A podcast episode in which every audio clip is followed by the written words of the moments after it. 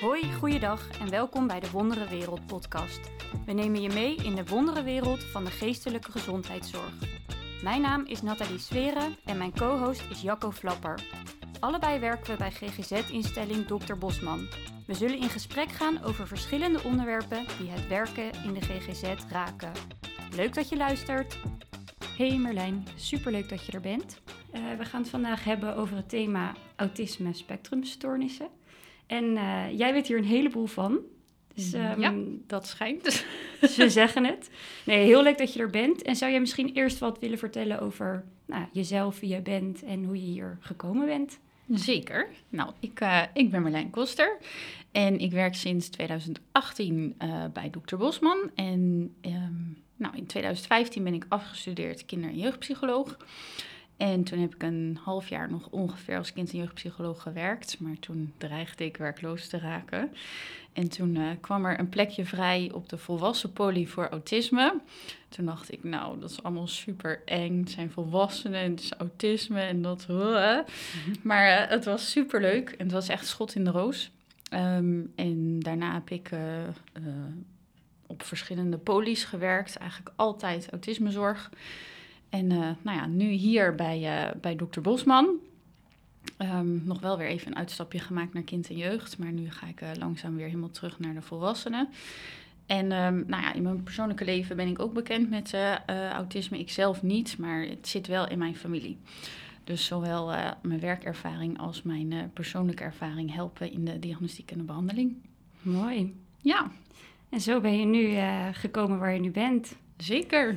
En ook leuk om nog te vermelden is dat jij bijna gaat beginnen met de psychotherapieopleiding. Zeker, ja. Dus uh, daarin ook weer stappen aan het zetten. Ja, in januari gaat het beginnen. Nou, hartstikke leuk.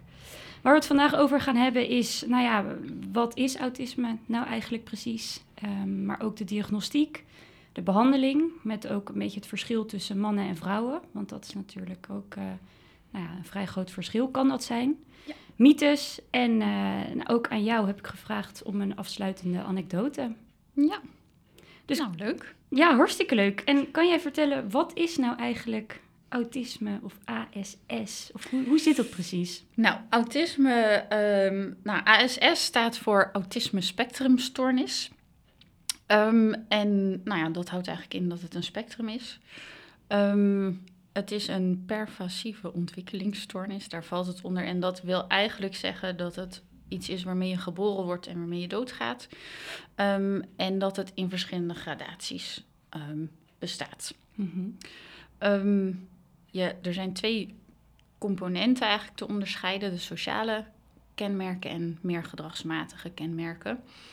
En daar kan je in meerdere of mindere mate last van hebben. En daarom noemen we het een spectrum. Mm-hmm. Omdat sommige mensen hebben meer last van de sociale kenmerken en anderen weer van de gedragsmatige kenmerken. Ja, en wat valt daar dan onder? Onder de sociale kenmerken en onder de gedragskenmerken? Waar moet dan aan gedacht worden? Uh, sociale kenmerken uh, valt bijvoorbeeld onder uh, moeite met maken van vrienden, moeite met het sociale gesprekjes. Dus een gesprekje over koetsjes en kalfjes en het weer, dat soort dingen. Maar ook, small talk. Ja, ja, maar ook bijvoorbeeld niet begrijpen van grapjes of sarcasme. Dus dan um, dingen letterlijk nemen? Ja, ah, ja, valt er ook onder. In nou. grapjes en... Uh... Ja. En de gedragsmatige kenmerken, um, daar valt bijvoorbeeld onder moeite met veranderingen. Um, of heel erg vast kunnen houden aan regels en afspraken. Maar wat er ook onder valt is bijvoorbeeld overgevoeligheid voor prikkels. Ja, dat zijn dus die labeltjes die eruit geknipt moeten worden Precies. en de geluiden die hard binnenkomen. Ja. ja. Dus dat is eigenlijk nou ja, heel groot. Maar ik kan me ook voorstellen als mensen dit horen, dat ze dan zeggen van ja, maar ik heb dat ook allemaal wel een beetje. Heb ik dan ook autisme? Ja. Nou, sommige mensen zeggen wel eens, ja, iedereen heeft een beetje kenmerken van autisme. Um, nou, dat zou best kunnen, hè, maar het gaat uiteindelijk om de optelsom. Want je moet voldoen van die sociale kenmerken. Er zijn drie criteria voor opgesteld. En dan moet je alle drie, moet je echt wel dusdanige beperkingen in hebben. En van de gedragsmatige kenmerken, er zijn vier criteria te onderscheiden. En daar moet je er minimaal twee echt beperkingen in ervaren. Ja, oké. Okay. Ja. Dus dat is een beetje, nou ja, heel ver uitgezoomd wat een autisme spectrumstoornis is. Ja. En eigenlijk zeg je net al van ja, je hebt bepaalde kenmerken waar je dan aan moet voldoen. Nou, dat mooi bruggetje naar de diagnostiek. Want hoe, ja, hoe gaat dat dan? Iemand denkt van nou, hmm, ik heb soms wat eh, moeilijkheden in bepaald sociaal contact. Of ik hou heel erg vast aan bepaalde afspraken. Ik wil hier iets mee. En dan komen ze bij jou. Ja. En hoe gaat die diagnostiek dan? Ehm, nou, we geven altijd een ontwikkelingsvragenlijst mee. Ehm, en eh, daarin staan eigenlijk allerlei vragen over de, eh, de zwangerschap, de geboorte nou ja, en de, de vroege eh, ontwikkeling. Omdat er in de kindertijd ook al aanwijzingen moeten zijn voor autisme. Omdat je er dus mee geboren werd. Precies. Wordt wat je zegt. Ja. En eh, vervolgens ehm, plannen we een andere afspraak in voor het zogenoemde DSM-5-interview. En dat is eigenlijk gewoon een interviewachtig gesprek waarin we alle kenmerken gaan uitvragen. En dat is een afspraak die duurt meestal twee uur.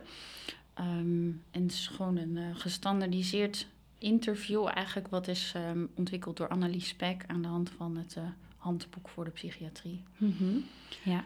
En daarbij worden dus standaard, ga je al die kenmerken langs en daar horen dan bepaalde vragen bij. Dus hoe, eh, hoe kijk je tegen feestjes aan? Of hoe ga je om met, of kan je een één op één gesprek gaande houden als het niet over eigen onderwerpen gaat? Ja.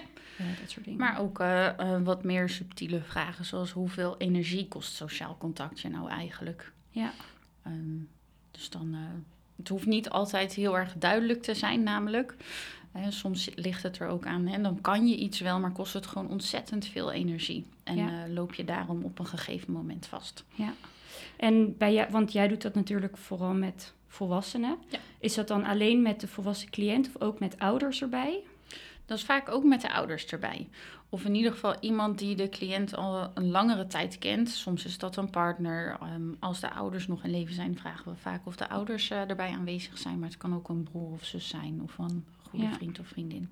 Zodat die ook kunnen aanvullen of kunnen... Ja, omdat het soms, eh, we merken dat eh, bij mensen met autisme, die hebben soms het idee van, nou, ik kan echt wel prima een, eh, een gesprekje voeren, ehm, of ik kan prima grenzen aanvoelen. En wanneer iemand bijvoorbeeld mijn verhaal eh, nog super interessant vindt en wanneer niet meer. En dan heeft de omgeving vaak zoiets van, nou, soms ga je daarin wel een beetje over een grens heen. En Ja. moeten wij je af en toe wel een beetje afremmen. Dus dan is het wel prettig als er iemand bij is die Dat dat, kan aanvallen. veel aanvullen. waardevolle extra informatie. Ja. Ja, wat ik zelf altijd wel mooi vind aan dat interview is, want ik nou, doe dan met, eh, met kinderen en jongeren. En dan doen we het dus wel altijd met de ouders erbij. Maar ik vind dat het ook vaak een heel mooi kijkje voor ouders geeft in de denkwereld van een kind. Dus omdat het zulke gestructureerde vragen zijn, kunnen ze daar vaak best goed antwoord op geven. Ja. Eh, maar daardoor heb ik best wel vaak dat ouders dan zitten van... oh, wow, dus zo werkt dat bij jou. Ik snap je nu een beetje beter. Ehm, dus dat vind ik altijd wel een mooie kant ervan. Ja. Ik weet niet of jij dat ook zo bij de volwassen kant eh, ervaart. Ja, want het is eh, eh, bijvoorbeeld, laatst had ik een cliënt die zei, nou, ik kan eigenlijk wel prima vriendschappen onderhouden, heb ik eigenlijk geen moeite mee. Ehm, en dat komt omdat eh, ze alles volgens een vaste structuur doet. Ah, ja. Ze weet, elke week moet ik eh, die vriendin even een appje sturen hoe het gaat. Als iemand jarig is, dan hoor je een kaartje te sturen. Dus dat heeft ze allemaal in de telefoon opgeslagen. Bepaalde leefregels. Ja, en dat maakt dat het voor haar eigenlijk allemaal prima te doen was. Ehm, terwijl dat natuurlijk wel extra energie kost. En als ze die hulpmiddelen niet heeft, zei ze ook van ja, dan kan ik het waarschijnlijk niet. Oh ja, ja.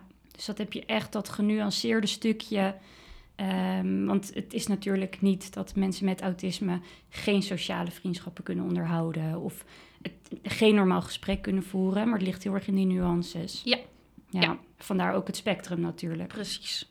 Ja, oké, en dan is dat DSM-5-interview geweest. En nou, dan kan je een beetje in kaart brengen hoe die kenmerken zich tot elkaar verhouden en tot de, tot de persoon. En dan?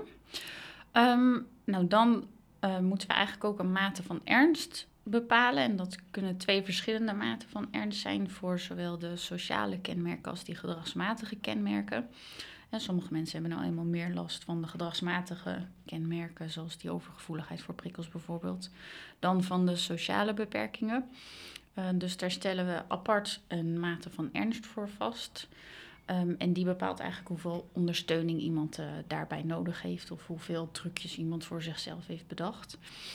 Ehm, Soms weten we het niet helemaal na een ontwikkelingsvragenlijst of een ontwikkelingsgesprek en zo'n DSM-5-interview. En dan zou je eventueel nog extra uh, aanvullend onderzoek kunnen doen. Zoals? Uh, bijvoorbeeld een ADOS. Um, dat is een heel mooi instrument wat we hier ook op de poli uh, regelmatig inzetten. En dat is eigenlijk een um, ja, gestructureerde observatie. Um, waarbij je ook wel een aantal vragen stelt, maar ook uh, heel veel non-verbale dingen observeert.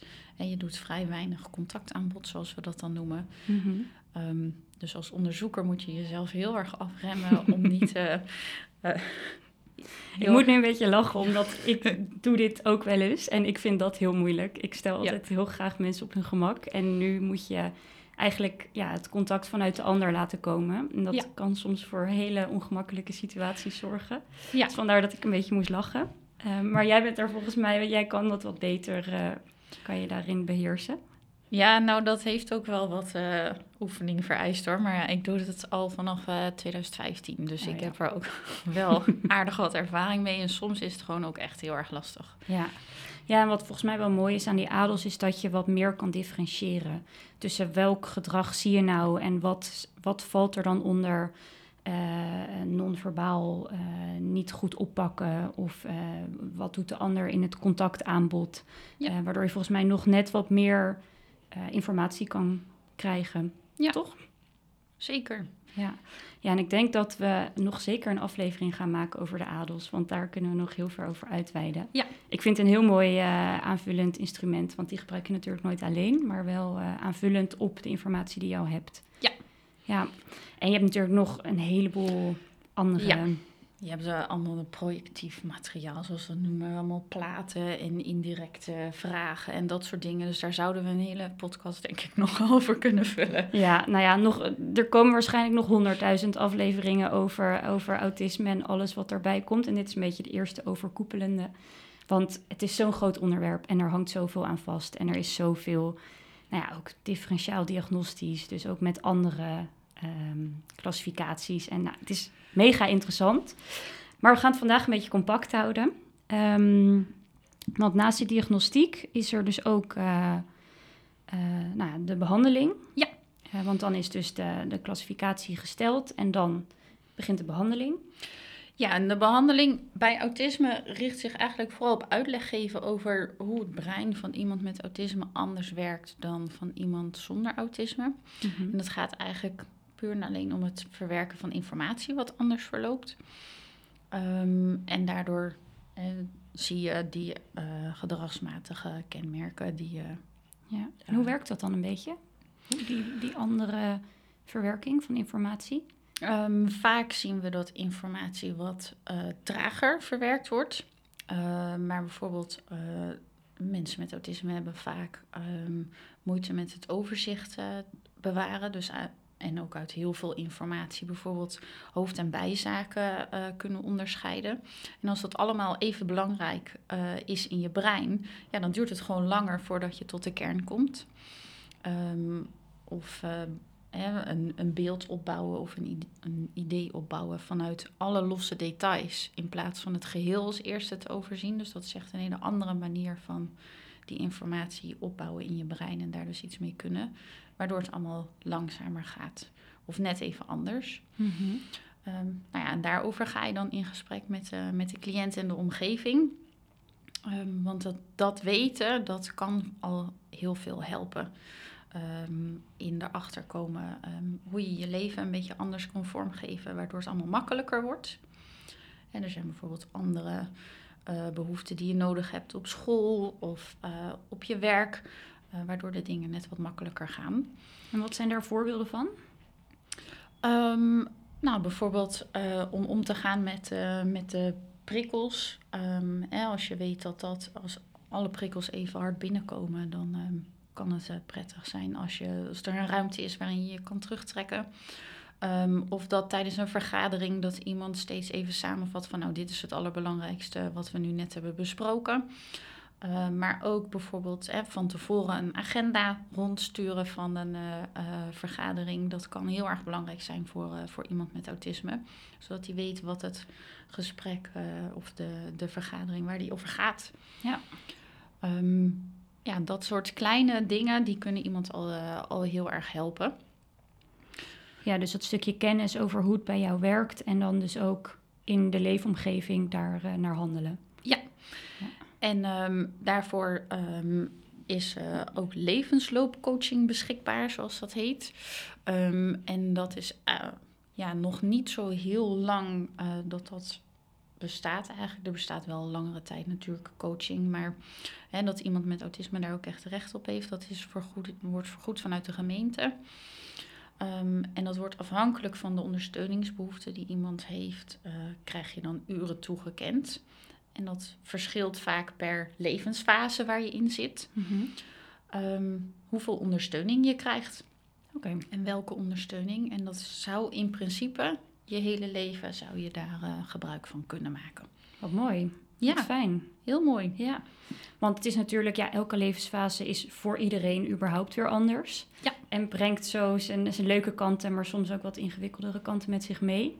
En dan vooral natuurlijk met mensen uh, met autisme, dat nou ja, als er grote veranderingen zijn, dat dat best soms wat ingewikkeld kan zijn. Ja. Dus dan kunnen ze daar aanspraak op maken en uh, dan krijgen ze daar coaching, begeleiding ja. thuis in of op een plek. Of, nou, ja, dat wisselt. En soms wordt het ingezet voor, uh, voor op werk bijvoorbeeld of voor tijdens de studie. Um, vaak wordt het uh, ingezet uh, uh, om weer even overzicht te creëren als je zo'n nieuwe fase in bent gegaan. Ja. En soms kan het ook heel erg helpen um, in de ondersteuning als je op jezelf gaat wonen bijvoorbeeld. Nou ja, en ja, dan worden er ineens superveel dingen van je gevraagd waarbij je eerst kon terugvallen op je ouders. Ja. En dan kan zo'n coach net even helpen met bijvoorbeeld overzicht krijgen over je financiën en wat moet je allemaal regelen als je op jezelf gaat en wat Mooi. is dan belangrijk. Wat leuk. Ja. Heel leuk. Maar dat is denk ik niet wat jij doet. Nee, dat Nee. is niet wat ik doe. Dus jij, nou ja, als we even teruggaan naar jouw stuk, dan heb je dus nou, de psycho-educatie, dus echt Ja. uitleg over hoe het werkt. Voor veel mensen is dat waarschijnlijk al, is dat al heel erg helpend. Ja. Maar er zijn natuurlijk ook een heleboel mensen waar dat eigenlijk niet genoeg voor is. Nee, klopt. Omdat we vaak zien dat zeker als ehm, een diagnose autisme niet meteen in de kindertijd wordt vastgesteld, dat mensen toch ehm, extra eh, problemen tegenkomen. Bijvoorbeeld, we zien vaak depressie of angsten die mensen ontwikkelen. Ehm, en ja, dan komen ze vaak bij mij daarvoor in behandeling. Kijk, autisme zelf kan je niet behandelen in die zin omdat het niet over kan gaan. Maar die bijkomende problematiek als uh, somberheid uh, of angsten, dat kan je wel behandelen. Ja, ja. Ja, en je kan, je kan de, de autisme-kenmerk natuurlijk niet behandelen, maar je kan wel handvatten geven hoe, het, Ja. hoe je er makkelijker mee om kan gaan. Precies. Maar goed, dan, dan kan het dus zijn dat er nog andere dingen spelen en dan is er individuele behandeling eh, mogelijk. Ja. Ehm, wat, wat zijn dingen dat jij in behandeling belangrijk vindt, of wat je vaak inzet, of vaak gebruikt, of wat je vaak ziet wat helpend is? Ehm, eigenlijk vooral heel veel uitleg over hoe het voor mensen zonder autisme werkt. Omdat dat soort dingetjes, hè, die eigenlijk een soort vertalen wat je dan doet van de wereld voor iemand met autisme, dat is vaak heel helpend. Ehm, dat, zodat iemand snapt waarom er miscommunicatie is ontstaan. Of dat, waarom iemand snapt waarom die eh, bepaalde dingen niet voor elkaar heeft gekregen. Of zo heel erg boos is geworden bijvoorbeeld. Ja. Ehm, en dat vertalen, dat is heel erg helpend. Oké. Ehm, wat eh, ook helpt is toch wel om het systeem te betrekken. Hè, als iemand samenwoont met een partner en kinderen, dan is het belangrijk dat zij ook precies weten wat, eh, wat er speelt. Ja, dus de mensen om de persoon heen. Ehm, en ja, ik adviseer ook vaak om het toch wel ehm, in meerdere of mindere mate op je werk te delen. In ieder geval met een eh, leidinggevende. ehm, zodat ze er op je werk ook rekening mee kunnen houden. Ja, En voor kinderen geldt dat natuurlijk dan voor op school. zeker. Ja. En dan begeleid ik ook een beetje bij dat proces, omdat het best eng is vaak om dat te delen. Hè. Wat vertel je dan? Hoe vertel je het? En dat is best belangrijk, omdat er natuurlijk ja, best wel veel mythes ook bestaan over ehm, autisme. En eh, ja, het is eh, belangrijk om eh, ehm, ja, meteen de juiste informatie te, te delen. En dat je wil natuurlijk niet dat mensen je ineens super anders gaan behandelen. En dat is ook eigenlijk helemaal niet nodig. Nee. Maar toch zien we wel dat het af en toe gebeurt. Ja. Vooral omdat mensen vaak ook in hun hoofd hebben hoe een autist eruit ziet, maar dan vooral in de vorm van Rain Man of op zo'n manier. Ja. Ehm, en dan zeggen ze dus ook vaak van, ik, of jij bent echt een autist, terwijl Ja. het wordt ook een beetje als scheldwoord gebruikt. Dat is natuurlijk niet hoe we er tegenaan kijken. En dat is ook wat we graag uit de wereld zouden willen helpen. Ja. Omdat je autisme hebt en je bent geen autist. Precies. Eh, en nou ja, mensen zeggen ook vaak van... joh, ik, ik doe echt zo autistisch de hele tijd. En dan wordt het een soort scheldwoord. Dus ik kan me best voorstellen dat de, dat de drempel best hoog wordt om het te vertellen. Omdat het... Ja, ik kan me voorstellen dat sommige mensen dat best ingewikkeld vinden. Hoe, Ja. hoe zie jij dat? Nou, wat ik vooral vaak hoor is dat als mensen dan vertellen dat ze autisme hebben, met name als vrouwen vertellen dat ze autisme hebben, dat iedereen dan zegt: nee joh, dat heb jij echt niet.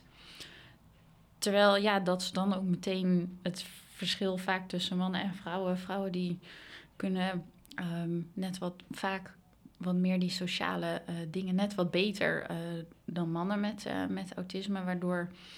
maar het kost wel enorm veel energie. Weet je hoe dat komt? Dat, dat vrouwen daar, nou ja, generaliserend zeggend... vooral vrouwen daar wat beter in zijn? Ehm, nou, we denken dat dat komt omdat onze maatschappij een beetje is ingericht om meisjes vanaf baby af aan eigenlijk al anders te behandelen dan jongens. Meisjes worden veel meer geacht om lief te doen en om sociaal te doen. En daar, die krijgen dus van baby af aan veel meer ehm, sociaal contact mee, als het ware. Ehm, waardoor hun sociale rugzak eh, veel meer gevuld kan raken. Eh, en jongens, die, eh, daar wordt prima van gevonden als ze in hun eentje spelen.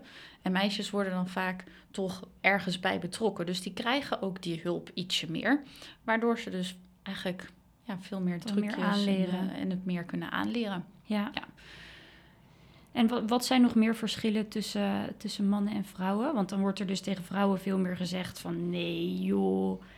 Terwijl in de diagnostiekfase hebben jullie dan natuurlijk daar heel erg stap voor stap nuancerend naar gekeken. En dan blijkt het eigenlijk wel zo te zijn. Ja.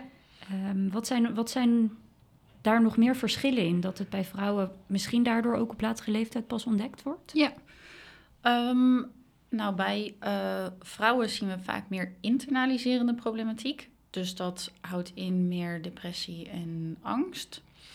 Ehm, die dan soms op de voorgrond lijkt te staan. Dus waar ze dan eerder last van hebben en waar je dus ook eerder hulp voor zoekt. Dan dat je denkt van nou, misschien komt dit wel doordat iemand autisme heeft, dat hij zo somber is of dat hij angstig is. En mannen met autisme hebben vaker iets meer externaliserende problematiek. Dus vaker boosheid wat eruit komt ehm, bij onduidelijkheden. Of dat ze va- echt letterlijk blokkeren, hè, vastlopen. Ehm, dus dat zie je iets meer aan de buitenkant. Ja. Ehm, daarnaast is het ook zo dat eigenlijk alle diagnostische instrumenten zijn gebaseerd op mannen. Oh, echt? Ja. Oh, en eh, er is sinds een tijdje is er een, ja, een soort werkgroep in het leven geroepen, ehm, waar ook veel onderzoek eh, wordt gedaan. Dat heet het eh, FAN onder andere, dus het Female Autism Network, the Netherlands. Ehm, en ja, zij doen onderzoek naar het verschil tussen mannen en vrouwen. en zij proberen ook hè, handvatten te schrijven speciaal voor vrouwen. Dat staat ook op hun site. Ja, klopt. Dus dat is fan.nl, toch? Ja. Of Ja, het helemaal was... uitgeschreven Female Autism Network. Nee, volgens mij is het fann.nl. Ja, het was eerst was het een heel lang, eh, eh, lange website. En nu is het volgens mij fan. Oké. Ja. En Nou in ja, ieder en geval als je daarop het zoekt, kan je het Ja. vinden. Ja, precies. Op, Google dan. eh, Dus dat is ook wel iets van de laatste jaren dat die nuancering veel meer gemaakt wordt tussen mannen en vrouwen. En wat ook wel naar voren komt vaak, hè, is dat vrouwen eh, in een burn-out terechtkomen. En dat er dan pas heel erg goed wordt gekeken van nou, hoe, hoe komt dat nou? En dat dan blijkt dat er onderliggend eh, eh, autisme speelt. En je hoort ook wel eens over de autistische burn-out. Ja. Wat is dat dan? Goeie vraag. Ehm, nou, dat is eigenlijk dat je praktisch je hele leven aan het overcompenseren bent voor alles hè, wat eigenlijk niet goed lukt. Um, dus dat je continu extra energie verbruikt aan sociaal contact. En dat je maar probeert om normaal te zijn of om te conformeren aan de sociale regels en alle ongeschreven regels die gelden. En op een gegeven moment heb je echt al je energie opgebruikt. Um, en dan kom je thuis met een burn-out. En dat ligt dus niet aan het feit dat je gewoon heel veel hebt gewerkt. Maar het ligt ook aan het feit dat het dan in je privé gewoon ook heel veel vraagt. Bijvoorbeeld het sociale contact. Ja. Ehm, als er plotseling dingen veranderen um, in de planning. Of, uh, en als je dat daarvoor je hele leven moet compenseren. Uh, dat eigenlijk je batterij gewoon helemaal leeg is. Ja. ja. ja. Oké. Hey, en je benoemde net ook al even dat er dat als je dus um, nou, met de cliënt op werk gaat vertellen en daarin begeleidt, dat er ook een heleboel mythes zijn. Ja. Wat zijn een aantal van de belangrijkste mythes die er, uh, die er zijn in Nederland of de wereld? Um, nou, de allerbelangrijkste is denk ik dat uh, autisme wordt veroorzaakt door vaccinatie. Mm -hmm. Dat mhm. is totale onzin. Ja. ja. Um, dus dat, dat is iets wat ik ook eigenlijk altijd in de psycho-educatie meteen zeg. Dat het daar niet door veroorzaakt wordt. Het is gewoon iets erfelijks. Ja. Um, hè, dus het wordt doorgegeven in families. Ja, maar er is niet per se een gen aan te wijzen... of echt een oorzaak uh, te vinden. Nee. Hoe werkt dat dan precies? Um, nou ja, dat is eigenlijk een beetje het lot soms. Mm -hmm. um, of je het wel of niet krijgt. We weten wel dat als het in je familie voorkomt, heb je een grotere kans om het ook te krijgen. Ja. Maar we weten niet wat daar allemaal mee samenhangt. En uh, het is niet als A dan automatisch B. Nee, nee. Dus het is eigenlijk nog een beetje een vraagteken hoe dat precies werkt. Ja. Misschien dat we daar in de toekomst nog achter gaan komen, maar nu weten we dat nog niet zo goed. Nee, nee. Um, maar het is dus ook niet je hebt een vergrote kans ja. als het in de familie voorkomt. Maar komt het ook in families voor bij iemand zonder dat het bij andere familieleden voorkomt? Of is er eigenlijk altijd wel een lijntje te zien? Um, ja, dat weet ik eigenlijk eerlijk gezegd niet zo heel goed. Nee, ik ook um, niet. Nee. Moeten we ze nog eens even op gaan zoeken? Ja, komen we dan de volgende keer weer, uh, weer op terug. Ja, precies. Nee, maar het is dus... Uh, uh, het wordt nooit veroorzaakt door een vaccinatie. Nee. Echt nooit, nooit, nooit. Dus ook nee. nu met de coronavaccinaties... dat er gezegd wordt, of dan krijg je autisme. Ja. Dan, dat is absoluut niet waar. Nee, zeker niet. Wat zijn andere mythes? Um, dat je niet sociaal bent. Mm -hmm. um, dat is ook een, een mythe. Ja. Um, dat je um, je kinderen niet uh, zou kunnen opvoeden. Ja. Dat is ook een uh, mythe. Er zijn heel veel vrouwen die doen echt zijn hartstikke goede moeders. Ja. En die hebben gewoon autisme. Dus dat, dus dat kan gewoon prima. Ja. Je hebt alleen misschien soms iets meer ondersteuning nodig. Precies. Wat ik ook nog even wil zeggen over dat, dat je niet sociaal kan zijn. Wat ik ook heel vaak hoor, is dat, dat kinderen wel heel graag willen. En Ja. heel, graag, heel fijn vinden om met mensen te zijn, maar het soms gewoon wat, wat moeilijker aanvoelen. En Ja. dat, dat dat het ingewikkeld maakt. Terwijl het is helemaal niet dat iedereen met autisme het liefst alleen maar op zijn kamer zit. Nee, Dus zeker dat, eh, niet. dat is absoluut een eh, ja, goede mythe om die even het, eh, onderuit te halen. Ja, zeker. En ja, je kan dus ook een fantastische ouder met autisme zijn. Ja. ja, ja. Wat zijn er nog andere belangrijke mythes? Ehm, nou schoot er net eentje door mijn hoofd. Maar nou ben ik dat weer even kwijt. Nou ja, Ik weet het even niet. komt misschien zo Komt nog. misschien zo nog. Ja. Ehm, nou ja, wat we natuurlijk in het begin al zeiden, we, hebben, we kunnen echt 10 miljoen duizend jaar hierover doorpraten. Maar ik ben nog wel benieuwd, wat maakt dat jij eh, het onderwerp autisme zo interessant vindt? Dat je het nou, zowel privé als in je werk er veel mee bezig bent. Wat, wat is dat? Ja, dat vind ik altijd een super ingewikkelde vraag. Ehm, ik denk, ik, kijk, ik eh, ben opgegroeid in een gezin waarin autisme voorkomt. Ik heb een vader en een zus met, eh, met autisme. Dus voor mij is het iets, dat wist ik lange tijd niet. Eh, het is zowel bij mijn vader als bij mijn zus op latere leeftijd pas gediagnosticeerd. Dus het is voor mij altijd iets waar ik onbewust me mee bezig heb gehouden. Ja. Ehm, dus het, in die zin gaat het mij redelijk makkelijk af om om te gaan met mensen met autisme. En ja, ik vind het gewoon fascinerend dat iedereen die autisme heeft, is weer anders. Ja. Ehm, niemand heeft dezelfde aanpak uh, in een behandeling nodig. Het, je moet echt heel erg specifiek per persoon kijken wat iemand nodig heeft en je communicatie daarop afstemmen. Ja, ja dus het is echt maatwerk. Ja. Maar dat is natuurlijk altijd. Hey, en wat zijn, want we hebben het er nu over gehad dat bepaalde dingen best wel moeilijk zijn, maar wat zijn sterke kanten van mensen met autisme? Want dat is natuurlijk ook, dat zijn ook een heleboel. Ja. Um, nou ja, een van de dingen die zowel een, uh, uh, zoals mijn zusje zegt, een vloek als een zegen is, is um, het vasthouden aan, aan regels en afspraken. Als, je kan altijd van iemand met autisme op aan. Ja. Als je daar iets mee afspreekt, dan weet je zeker dat, het, dat diegene het nakomt of dat dat gebeurt. Ja. Um, is heel betrouwbaar in. Zeker. Um, vaak zijn mensen met autisme ook heel loyaal. Dus dat is voor een werkgever kan dat enorme goede, goede werknemer zijn. Omdat iemand met autisme gaat niet zo snel ergens weg. Nee. Um, het vermogen tot die detailwaarneming. Ja. Um, dat kan een enorm sterke kant zijn. Ja. Um, ja, en heel eerlijk. Dat ja. vind ik ook altijd. Zeker. Wat soms tot soms te eerlijk, wat Ja. tot hele geinige situaties kan leiden. Uh, maar ook in combinatie met die betrouwbaarheid. Ze zullen altijd eerlijk zeggen wat ze vinden. Ja. Ja, Ja. mooi. hey, en heb jij nog nagedacht over een anekdote? Zeker. Ehm, dat was een van mijn ehm, eerste eh, behandelingen. eh, van een jongen van, eh, nou ja, die was toen ongeveer 25, was net zo oud als ik. En ehm, een van zijn doelen was ehm, om ehm, een relatie te krijgen. En hij wist helemaal niet zo goed hoe hij dat contact moest vormgeven. En wat moet je nou zeggen als je iemand op een date wil uitvragen? En überhaupt kan je zomaar iedereen op date vragen. En hoe werkt dat dan? Nou, dus daar heb ik hem een tijdje in, eh, in begeleid. En hebben we allerlei, ehm, nou ja, als het ware allerlei regels voor, eh, voor afgesproken. Bijvoorbeeld dat iemand ongeveer even oud moet zijn. Dat iemand dezelfde interesses moet hebben. Die moet een beetje in de buurt wonen. Nou, zo hebben we nog een aantal eh, regels opgesteld. En eh, toen de volgende sessie kwam die terug. En toen vroeg hij mij mee uit. Want ik Jij voldeed... voldeed aan alles? Of? Ja.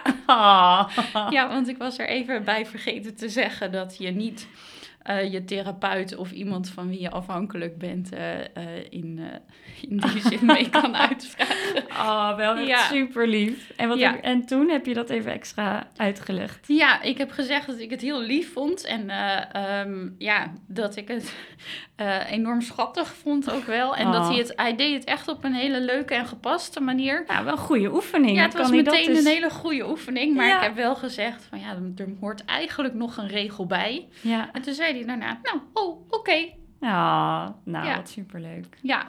Ik heb ook een keer, was een tijdje geleden, toen eh, had ik dus een psycho-educatie met een, eh, een jongen waar we net dus de klassificatie gesteld hadden. En zijn, eh, zijn ouders en zijn zusje. Dus ik ging uitleg geven. En nou ja, een autisme spectrumstoornis staat voor ASS. En dat wordt ook wel eens nou, AS genoemd. in, in het kort. En toen vroeg ik aan dat zusje van... Ja, weet jij waarom we hier nu eigenlijk met elkaar zijn? Mhm. keek ze zo naar haar broer. Zei ze, ja, ja, omdat hij ass heeft. dat vond ik ook heel leuk. Ja. Ehm, nou, enorm interessant. We gaan, eh, eh, we gaan het afronden. ja. Eh, ik wil je ontzettend bedanken. En ik wil je ook bij deze alvast uitnodigen voor nog een aantal afleveringen. Want, nou, eh, ik kom heel graag terug. nou, die staat op band. Ja. Dus dat, eh, dat komt helemaal goed. Ik kan er niet meer onderuit. Precies. Nou, heel erg bedankt. En eh, nou ja, tot de volgende. Yes, tot de volgende keer.